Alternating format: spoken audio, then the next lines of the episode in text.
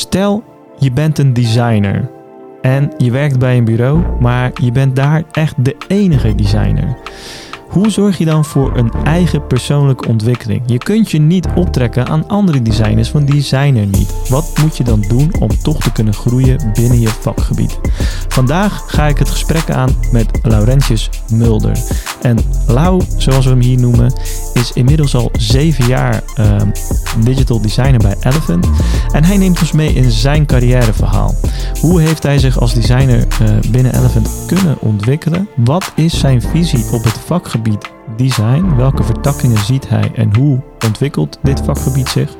En hoe verhoudt een designer zich uh, tot andere vakspecialisten in een project? Hè? Hoe, hoe werken die nou met elkaar samen? Het is een vrij lang gesprek en we hebben er daarom voor gekozen om het op te splitsen in twee afleveringen.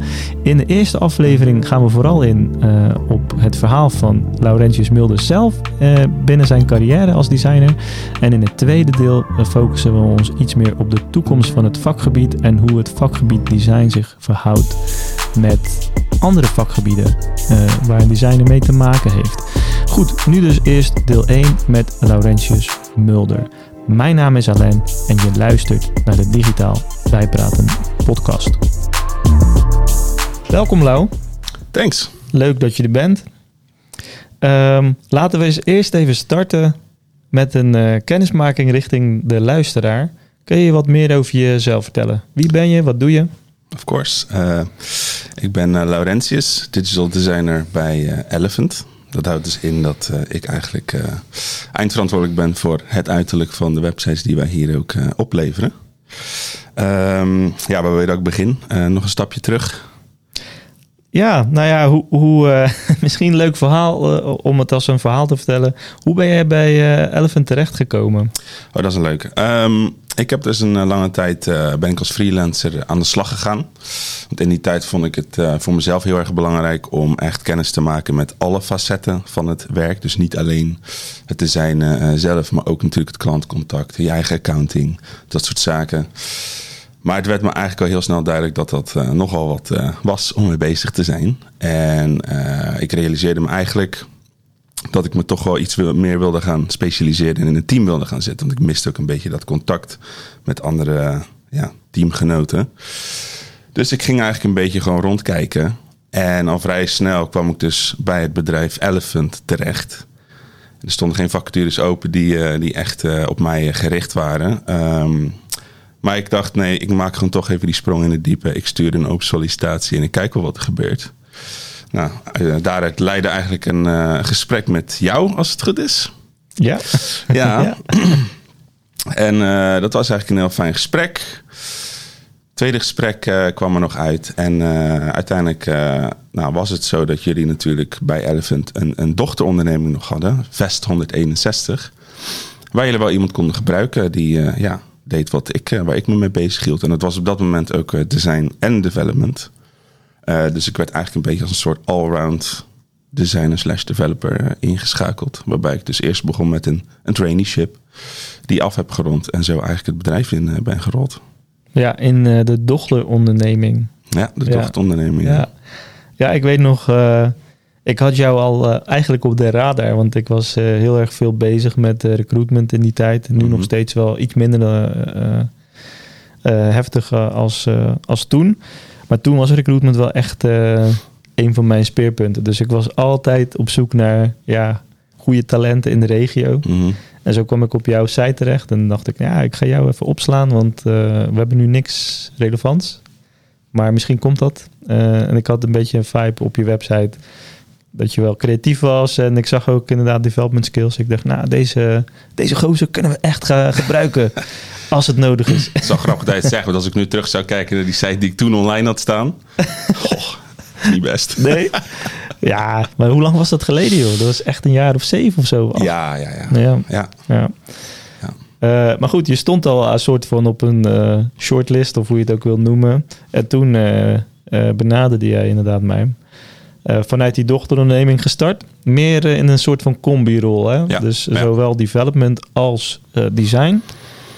Maar ja, dus niet echt je traditionele route van zeg maar, carrière. Eh, Je hebt CMD gedaan en vanuit bewijzen van, hè. En je gaat eh, in een soort van eh, rol richting designer, junior, et cetera. Mhm. Best wel een apart eh, pad.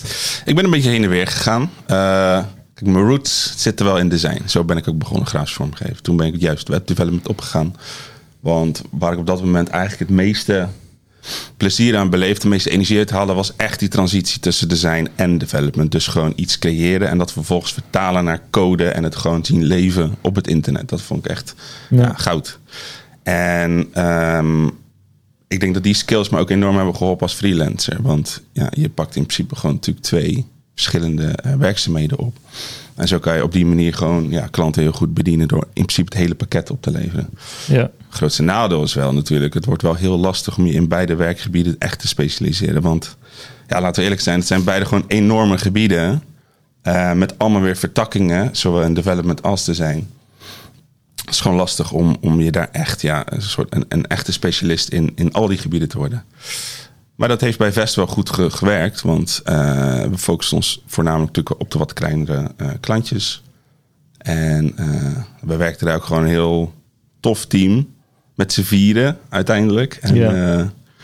wel hele leuke herinneringen aan. Dat was echt een hele mooie tijd. Maar ja, uiteraard uiteindelijk toch weer gekozen om ja, die specialisatie te kiezen. En ik denk dat iedereen het er wel over eens was dat bij mij toch design gewoon de sterkste kant was. ja. Dus uiteindelijk daar meer op gefocust. Ja. Ja. ja, het viel ook een beetje samen. Eh, gelukkig, maar ook misschien een beetje ongelukkig. Eh Vest was een soort van sublabel van Elephant. Voor de ja, iets meer gestandardiseerdere websites, om het even zo te zeggen. En daar paste die combirol juist perfect bij. Dus Ja. je hoefde ook niet heel erg in-depth te developen. Maar je moest eh, goed zijn in, in beide werelden. Die combi was, was goud voor jou, maar ook voor Vest als sublabel. Eh, maar we kregen het eh, ook eh, commercieel wat moeilijker van de grond. Ja. Ehm, dus we besloten we ermee eh, te gaan kappen op een gegeven moment. Ja, dat, eh, er ging te veel energie naartoe en er kwam te weinig rendement uit terug, commercieel gezien.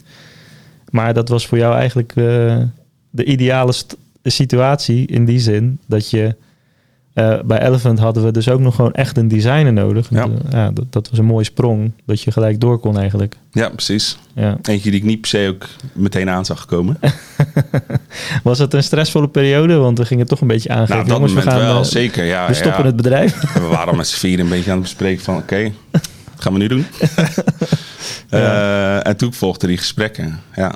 En vond het aan de ene kant lastig, want twee van ons die, die gingen door. Daar, daar was dan op dat moment gewoon geen plek voor. Het is dan toch wel lastig dat je niet soort van met het hele team over kan gaan. Ja, ja dat was eh, pijnlijk. Maar eh, gelukkig hebben ze beide heel snel een eigen plek weer gevonden, volgens Ja. mij. Ja, ja. Ja. Die hebben verder ook een heel mooi pad nu bewandeld. Ja. Ja. Ehm, goed, en dan eh, ben je dus eh, digital designer bij, eh, bij Elephant. ja. Herinner je je nog een beetje die eerste, laat ik zeggen, 1 tot 3 jaar toen je daar mee bezig was? Ja, bij Elephant bedoel je? Ja, ja, ja. Oh, ja, dat kan ik me heel goed herinneren. Ehm, drukke periode ook. Zo, zo herinner ik me ook. Wel heel, heel exciting. Echt, want je, ja, kijk, als digital designer ben je eigenlijk met best wel veel dingen nog bezig. Natuurlijk kon ik het stukje development loslaten. Maar ja, digital design, het zit al een beetje in de naam. Je designt eigenlijk voor alles wat digitaal is. En de focus ligt natuurlijk wel heel erg op het ontwerpen van websites. Dus dan hebben we het over user interface design, interaction design. Maar los daarvan, ehm, ook de kleinere dingen, hè? social posts. eh, af en toe zelfs een beetje DTP. Een postje hier, flyertje daar, hè? als het eh, even tussendoor kon. ja. Eh, in het begin was het voor mij vooral echt eh, ja, oriënteren, ook bin- binnen het team. Uiteindelijk stuur je toch gewoon een heel team aan developers aan eh, in je eentje. Ehm, dus er lag altijd wel een beetje een druk op natuurlijk. ja, Daarnaast ja. erg wennen aan, aan het omgaan met, met verschillende budgetten. De ene klant heeft een kleiner budget dan de ander. Hoe ga je daarmee om? Want je wilt uiteindelijk toch altijd het beste opleveren binnen de, ja, de, de beperkingen die je hebt. Ja. Ja, je zegt je stuurt eh, developers aan. eh, meer vanuit design perspectief bedoel je Vanuit een natuurlijk. designperspectief, ja, Ja, ja, dus zeker. ik heb iets bedacht en het moet op deze manier tot leven gebracht worden. Ja, Ja. ja. Eh, was dat lastig voor jou? Je bedoelt het, het, het, overhandigen aan development, dat stukje. ja, ja, hoe maak je dat kenbaar en hoe behoud je dan ook nog grip op het budget en de kaders die er liggen? Dat heeft me toch wel eventjes geduurd om dat echt goed onder de knie te krijgen. Ehm, dat is een heel proces en het houdt, het houdt ook niet op bij het overhandigen aan development. Je moet ten eerste natuurlijk, als jij je designwerk hebt afgerond, moet je ervoor zorgen dat het ook echt bruikbaar is voor development. Dus hoe zit, zit überhaupt de structuur van je design in elkaar? Hoe gaat alles werken? Is er een uh, soort uh, design slash development documentatie uh, ja. gemaakt voor hun? Um, en hoe zorg je ervoor dat je ook een beetje die kwaliteit bewaakt nadat je het hebt opgeleverd? Want kijk, ik was uiteindelijk best wel veel aan het schakelen tussen heel veel verschillende projecten. En dan komt het er wel eens voor dat ik iets heb afgeleverd bij development en dat vervolgens niet echt meer zicht op hebt. Ja. En dan gaat dat een beetje op vertrouwen van, nou, ik hoop dat ze het echt opleveren zoals ik het heb ontworpen. Ja, ja. ja. Ja, en uh, ik kan me ook voorstellen, uh, voor, zoals ik me ook kan herinneren, ik was ook behoorlijk betrokken in het begin, uh, zeg maar in jouw tijd toen je begon als designer. Ja, ja. Zat ik ook best wel in de projecten, meer in die strategische of projectmanagementrol. Ehm, wat, wat volgens mij toen wat minder goed ging ten opzichte van nu, door alle learnings die we met, met het hele team gehad hebben, ehm, is ook de andere kant op. Dus dat development eigenlijk jou uh, aanstuurt op de mogelijkheden en de beperkingen binnen de kaders van het project. Ja. Dus uh, voorheen helemaal vroeger uh, gingen we gewoon lekker toffe dingen bedenken en maken. En toen Ja. kwamen we er later achter, ja, het past eigenlijk niet. Kan helemaal niet. ja, precies. Ja. Ja, zo is het even gekscherend eh, begonnen natuurlijk, eh, dat hele proces. Eh, maar waar, waar je nu kijkt is dat we heel veel ruimte bewaren voor scoping. En, ja, ja. eh, en een soort van alternatieven bedenken per onderdeel. Ja, en het, en het eerder eh, eh, betrekken, of an- het andere mensen eerder betrekken in het proces. Dus ook development. Ja. Waar we voorheen natuurlijk gewoon, ja, je maakt een compleet ontwerp en maak het maar. Ik hoop dat het lukt. Eh, Ik ga weer door naar de volgende. ja, ja, ja. Dus, dat is eigenlijk wel een beetje dat watervalprincipe, toch? Dat je Ja. gewoon, ja, je levert het op en de volgende gaat, eh gaat aan de slag. En ik focus me alweer op iets anders. Eh, nu zijn we echt ja, al tegelijkertijd bezig en al heel vroeg in het proce- proces eh, betrekken we ook development erbij. Die kan dan ook gewoon meteen aangeven of iets mogelijk is of niet. Ja, En dat, kijk, vroeger eh, had ik nog het voordeel dat ik ook zelf nog heel erg op de hoogte was van development. En al heel snel kon inschatten wat dan wel en niet mogelijk is. ja, Maar ja, je weet hoe het gaat. Het, gaat. het gaat heel snel qua ontwikkeling op het gebied van development en design. En ondertussen, ja, ik hou het ook niet allemaal meer bij. En eh, nee. soms hoor ik ook nog wel eens dingetjes dat ik denk van... oh, maar dat moet toch gewoon kunnen. Dat deden we vroeger ook. Maar dat werkt misschien nu net iets anders. Ja, ja. ja dat, eh, je raakt denk ik heel snel die expertise kwijt als je er niet mee bezig bent. Ja, kijk, Ja. de, de um, basisprincipe blijft nog wel hangen. De beginselen, de, de core principles als het ware, ehm, die, die vergeet je nooit. Maar het gaat gewoon veel te hard. Ja, Wat wel goed is om te weten is dat eigenlijk tegenwoordig eh, is, is bijna alles wel mogelijk. dat zeggen we ook vaak. Hè? Ja, we kunnen alles maken waar je wilt. Het gaat wel iets meer kosten. ja, afhankelijk van wat je wil. Afhankelijk van wat je wilt. Ja. Ja. Hey, en ehm, in, in de wereld van, eh, van de terminologie rondom, eh, rondom onze vakgebieden, van digital designer, user experience designer, interaction designer, ja, eh, noem ze allemaal maar Motion op. designer. Motion designer. Graphic designer. Ja, en dan heb je nog art director. En, nou, ik denk dat we heel lang kunnen, genoeg. kunnen doorgaan. Ehm, ja, hoe, eh, hoe zou jij dat, eh, dat speelveld een beetje schetsen? Eh, wat zijn in hoofdlijnen een beetje de expertise zoals jij ze ziet binnen het designveld? Goede vraag, lastig ook. Ja. En het wordt eigenlijk steeds lastiger, merk ik. Het, laat ik als voorbeeld pakken UX designer. Hm, Het is eigenlijk heel breed. En wat ik, eh, wat ik merk is dat ook heel veel bedrijven eigenlijk misschien zelf niet zo heel goed weten wat de precieze invulling van een UX designer is. Kleine valkuil ook, want als we echt als we kijken naar de betekenis van UX, het is heel breed. Het is eh, eh, het ontwerpen van de gebruikerservaring.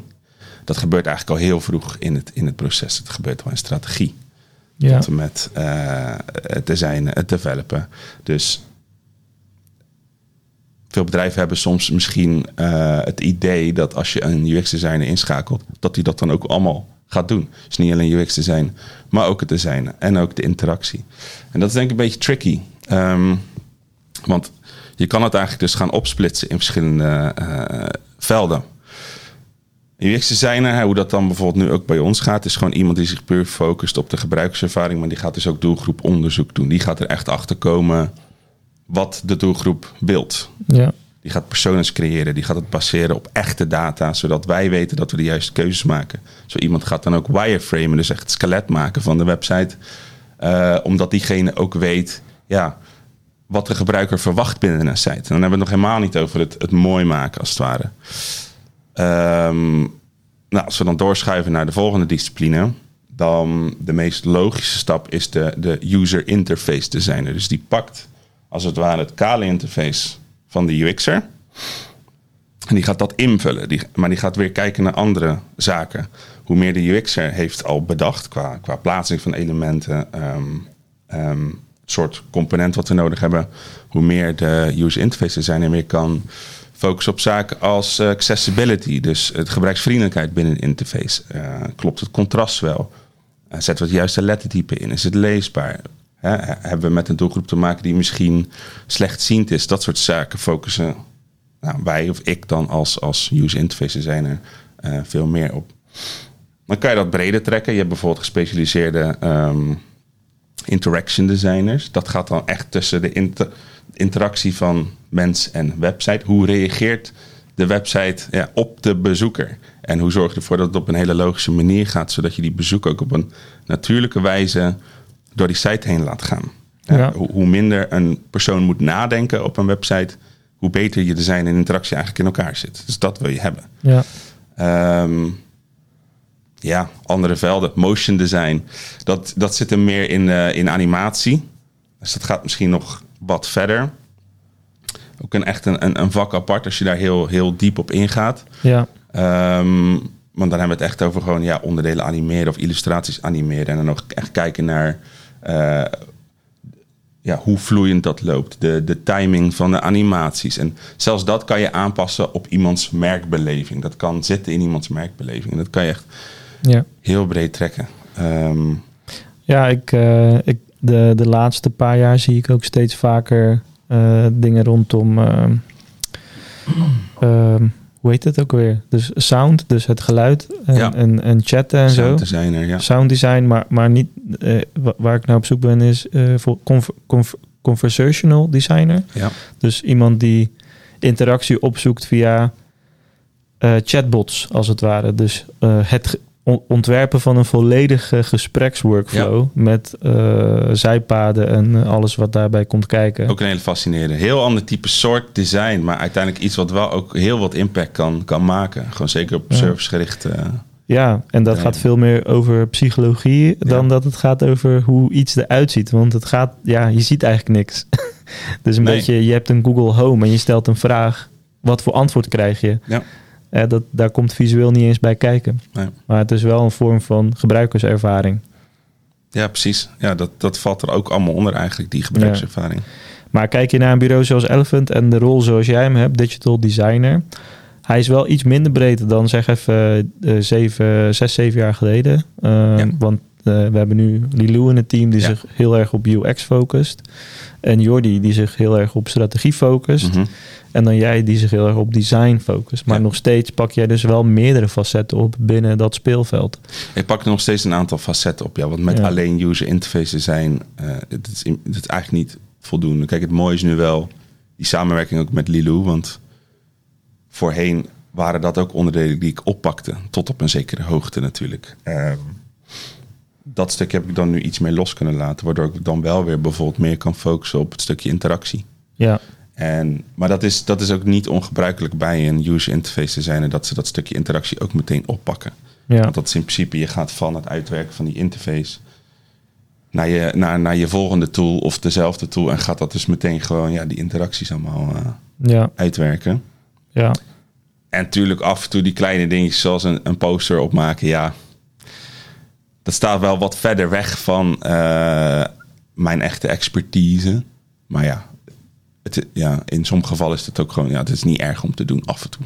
Ja, Ja, in zo'n klein bedrijf is dat gewoon eh, wat erbij komt, zeg maar. Precies, ja. Ja, ja wa- waar ligt die grens voor jouw gevoel? Wanneer is het belangrijk dat eh, je als digital designer nog meer een afbakening gaat krijgen? Dus ik- eh, dat een interaction designer en een digital designer twee aparte rollen moeten worden. Want dat is best wel een lastig eh, stuk, zeg maar ja. in hoeverre kun je als één persoon die dingen doen en wan- wanneer is het goed om het als één persoon te doen, maar wanneer is het juist niet meer goed om het als één persoon te doen? Ehm, het eerste wat in me opkomt, het, het heeft denk ik heel erg te maken met de grootte van het project. Mhm. Ehm, kijk, het type project wat we over het algemeen hier krijgen, kunnen we er nog vrij makkelijk gewoon bij één persoon eh, eh, laten liggen. Zeker omdat het ook gewoon eh, mijn specialisatie zijn. Maar als we het hebben over een enorm project, waar, waar bijvoorbeeld al echt een enorm design systeem achter zit, met, met regels, met componenten en dan, dan ga je vervolgens die verschillende disciplines, die, die zijn dan ook veel breder. Dan is het niet meer alleen ik ontwerp wat componenten en ik ga die even interactief maken. Nee, die hele interactiviteit is dan al haast een eigen taal geworden binnen die site. Daar zitten ook weer bepaalde regels aan vast. Je kan niet zomaar even, ja, dit buttentje moet dat laten zien als ik erop klik. En eh, kijk, niet dat we daar hier zo simpel over denken, maar de type projecten die wij hier vaak binnenkrijgen, kunnen we dat al vanaf het begin af aan Bepalen. zelf bepalen en die regels gaan creëren, die richtlijnen. Ja, Maar als je het hebt over hele grote, al bestaande projecten die al bestaande richtlijnen hebben, dan heb je ook gewoon, denk ik, al veel sneller dedicated mensen nodig die dus echt op één zo'n vak zitten. ja. Even een korte side note voor de show. is nu 20 minuten. Die noteer ik even dat we dit eruit knippen. Eh, als je praat, doet af en toe dit. Oh, ga ik dan eh, weg van de kamer? Maar daar hoor je heel veel, eh, hoor je veel geluidverschil. Ja. Dus probeer een beetje die focus hier te houden. Goed, en dan gaan we nu weer verder. Eh, ja, dus naarmate de, het project groter wordt, zeg jij eigenlijk, ehm, wordt het steeds moeilijker om al die facetten binnen één persoon te gaan vangen. Ja. Ja, dat heeft eh, met omvang te maken, eh, ook zeg maar in de hoeveelheid werk. Mhm. Want je hebt maar 40 uur per week beschikbaar. En zo'n project eh, die kan heel snel oplopen, waarbij het anders te lang gaat duren in doorlooptijd als je Ja, in eerste instantie. En ten tweede is het heel moeilijk om je focus te bewaren op al die verschillende facetten als het zo'n grote site wordt. Ja. Dat is denk ik meer de, ja, laat ik zeggen, de operationele kant die jij belicht. Ik denk ook dat er een commerciële kant aan ligt. Want ja, daar kijk ik meestal naar als Mhm. ondernemer. Ehm, en dat is ook weer die omvang. Maar dan uitgedrukt in ehm, ja, een soort van investering versus wat, je, wat er voor terugkomt. Ja. Kijk, als jij een website maakt voor duizend bezoekers per maand, dan eh, klinkt het voor mij niet logisch dat daar vijf verschillende rollen designers mee aan betrokken zijn. Als je dat terugrekent in investering per gebruiker, wat gebruik maakt van je website, Mhm. ja, dan is het heel hoog. Eh, dan is de, zeg maar, de investering per, per gebruiker, unieke gebruiker, die de gebruiker van jouw website gaat maken, Ja. is immens. Ja. Maar ja, maak jij de website voor, weet ik veel, belastingdienst.nl. Ja, beter zorg Ja. je dan dat, het, eh, dat er geen fouten in, in zitten. En dat Ja, de gaat kleinste fouten, dat kan al gewoon fataal zijn, eh zowat. Eh, fataal. eh, veel telefoontjes opleveren. eh, overbelasting op bepaalde operationele zaken. Ja, dan maakt het voor mij veel meer, ze- zeg maar, is voor mij logischer dat je zou zeggen, nou, daar moet verdomd goed over nagedacht worden. Ja. En dat, dat is niet mogelijk om dat bij één persoon binnen een designstukje te, te laten doen. Nee. Dus ook in omvang aan de ene kant dus praktisch gezien of operationeel gezien wat jij schetst. Eh, dat is de ene kant. En de andere kant is, denk ik, hè, ben je een, een klant eh, of, of ga je een opdracht neerleggen ergens en je twijfelt eh, in die zin van hoe is die samenstelling van het team nou bij dat bureau of gaat de freelancer dit kunnen? Kijk ook vooral denk ik naar kosten per gebruiker bij wijze van. Hè. Ik, ik, ik, denk dat dat best een goede benadering is. Van oké, hoeveel, hoeveel bezoekers hebben wij op dit platform of deze site per maand? Ja. Ehm, en wat is de prognose? Hè, het kan dat je er nu 10.000 per maand hebt, maar je wilt misschien naar 500.000 Ja, wat voor groei verwacht je uiteindelijk? Ja. Ja, dan moet dat, eh, eh, de oplossing moet eh, zeg maar die gebruikers faciliteren om iets te doen. Mhm. En 1% verschil in goed of fout op 500.000 gebruikers is behoorlijk groot. Ja, zeg maar, dat, in dat je merk je stuk omzet, sneller. In je omzet of je kosten of Ja, wat dan ook, ja, zeg ja, maar. Eh, dus daar gaat het, eh, daar, het zijn marginale verschillen, maar naarmate de absolute aantallen eh, heel groot zijn, worden die marginale verschillen super belangrijk. Ja. En daar ligt die omvang dus. En als we hem dan betrekken richting iemand die een designer wil worden, of een designer is en op zoek is naar in wat voor omgeving willen we- wil ik werken en Mhm. welke specialismes zou ik me in willen verdiepen, dan is dit denk ik ook gelijk een goede context om over na te denken. De grootte van het project bepaalt ook in hoeverre je een bepaalde specialisme kunt verdiepen. Ja, Klopt dat? absoluut, absoluut. Ja, Ja, je ziet ook gewoon vaak eh, in de wat kleinere eh, bedrijven, hè, waar dus ook bijvoorbeeld minder designers zitten, of er zit er maar één, dat je wel wat sneller te maken gaat krijgen met verschillende disciplines. Dat Ja. hoort er gewoon vaak bij, want ja, eh, het, het zal opgepakt moeten worden. En iets in iets mindere mate, maar dan ben je al wat sneller bezig, ook met bijvoorbeeld gebruikersonderzoek. En ik denk wel hoe, ehm, ja, hoe groter het team waar je in belandt ook en hoe groter de projecten, hoe meer je die specialisatie gaat vinden echt per, per designer. ja. Ja. ja. ehm, nou, dan is Elephant een relatief klein bureau. Mhm. Daar moet je dus wat breder georiënteerd zijn. Ehm, dat is ook iets wat jij denk ik wat leuker vindt. De afwisseling vind ik, eh, Ja. vind ik leuk. Ja, en eigenlijk ook het, het samenkomen van die disciplines. ehm, ik vind dat persoonlijk, ja, Ja. gewoon blijft fascinerend. Ja. Ja, en, en dat is denk ik ook, hè, ben je dus zelf een designer, eh, maar maakt eigenlijk niet zoveel uit. Dit principe geldt denk ik voor alle vakgebieden. Maar eh, naarmate je in, in een wat groter team terechtkomt, zul je waarschijnlijk ook sneller getrechterd worden eh, om een bepaalde specialisatie op te zoeken, omdat dat team daarbij gebaat is. Ja. Eh, weet jij niet zo goed welke specialisatie je wilt hebben, dan is het misschien goed om eerst breder te beginnen. Klopt dat, denk je? Oh, ja, absoluut. Eh, zo is het eigenlijk een beetje bij mij gegaan. Ehm, kijk, het mooie is natuurlijk wel als je dan op een plek belandt waar je, waar je die ruimte krijgt. En Ja. het juist wat breder trekt. En dan gezamenlijk gaat kijken van oké, waar ligt mijn kracht?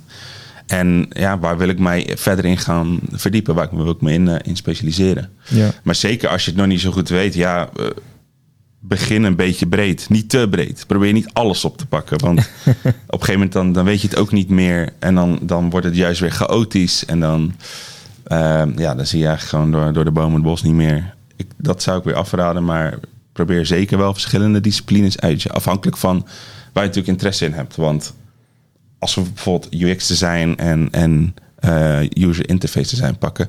De ene is toch echt net iets meer data gericht en de ander meer visueel gericht. Ja. Als je daar al wel een beetje een gevoel voor hebt van nou, waar, waar haal ik de meeste energie uit, probeer dan alvast een beetje van jezelf te sturen. ja. Nou ben jij de enige designer binnen Elephant in de, in de vorm van digital design. Ja. Dat is ook altijd zo geweest. Ehm, was dat voor jou niet en is dat voor jou niet heel lastig wat betreft het sparren en, eh, en je aan iemand optrekken is wel een lastige, zeg maar, Ja, op, Ehm. binnen je vakgebied. Af en toe kon je nog eens met mij sparren als oude dino-designer dat ik ben. als zou het dienen designer, ja. Maar die tijd is ook eh, verdwenen natuurlijk. Eh, hoe, hoe heb jij dat aangepakt en ja, hoe ga je daar nu mee om? Ehm, nou, kijk, ja, in het begin eh, had ik ja, bijvoorbeeld ook jou, eh, waar ik nog veel mee kon sparren. Nou, hoe meer ik zelf groeide, hoe minder dat uiteindelijk in de praktijk eh, gebeurde. Het is voornamelijk het. je, je doet natuurlijk heel veel ook online. Jezelf op die manier trainen. Ehm, maar ook ja, het contact zoeken met ook andere designers. En uiteindelijk, ja, waar je, waar je gewoon de meeste ervaring uithaalt, de meeste training, is gewoon het werken aan projecten zelf. Ja, Fouten maken, van leren, opnieuw doen. Het is uiteindelijk ook gewoon heel veel repetitie. ja, En, maar dat hoort erbij. Kijk, iedereen maakt foutjes en dat is belangrijk. Want daar leer je van. Ja, het is heel cliché, maar dat is wel gewoon waar het op neerkomt. En eh, ja, bij een internetbureau, daar ben je gewoon continu bezig aan projecten.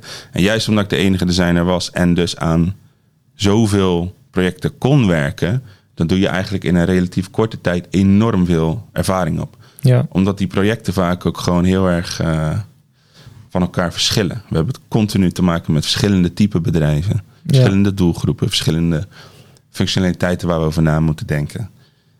Ehm, dat houdt je constant bezig. Dus dat is gewoon ja, een leerproces wat, wat non-stop doorgaat.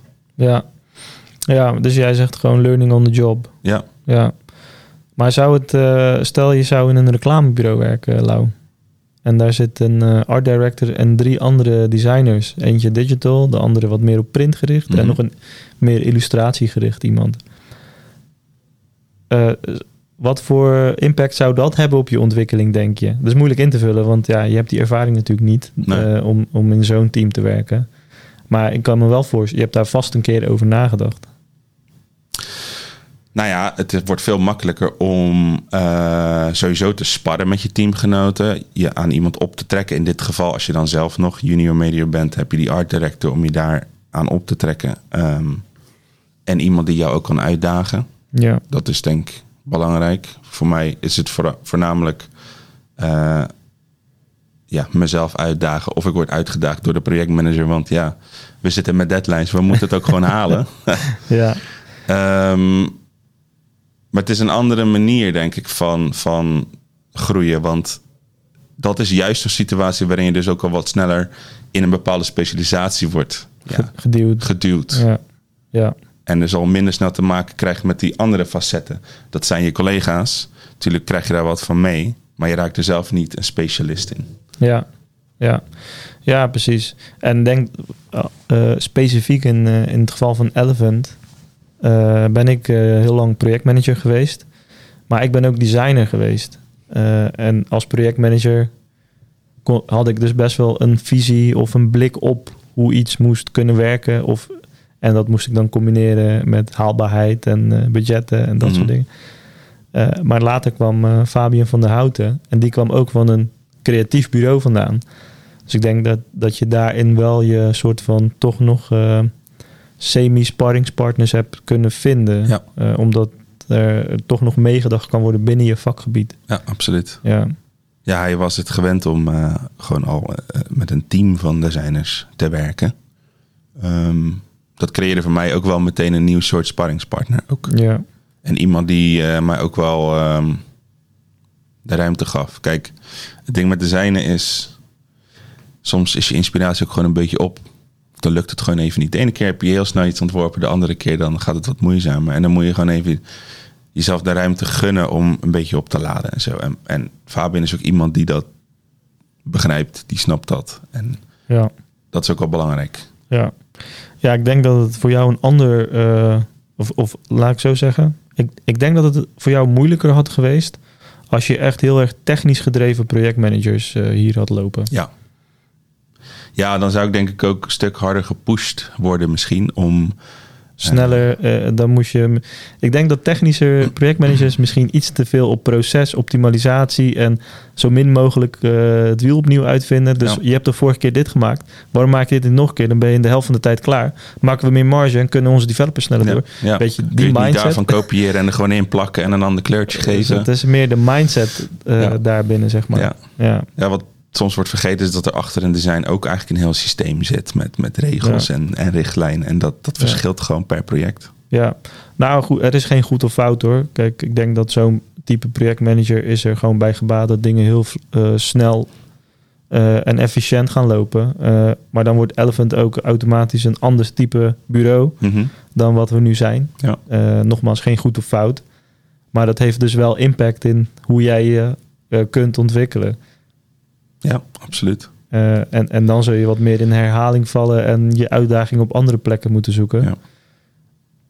Maar stel dat dat zo was geweest, dan was jij misschien niet zo lang bij Elephant gebleven? Of denk je dat je gewoon je uitdaging dan maar in het technisch had kunnen vinden? Nee, Nee. dan had ik hier niet meer gezeten. Ja. Dat kan ik wel eerlijk uh, vertellen. Um, Nee, nee, nee. Ik, kan- ik, op dit moment zou ik er niet eh, evenveel plezier en energie uit halen als ik me meer zou focussen op dat technische aspect. Ja, Ik heb nu al echt eh, ja, ontdekt waar ik blij van word. ja. Daar wil ik in blijven groeien. Ehm, ja, en het heeft toch iets minder met de technische te maken. Ja. Ja, oké. Dit was het eerste deel van het gesprek tussen Lau en mij over zijn rol als designer. Deel 2 van het gesprek volgt direct volgende week en dat is dus direct ook de volgende aflevering. Mijn naam is Alain en je luisterde naar de Digitaal Bijpraten podcast.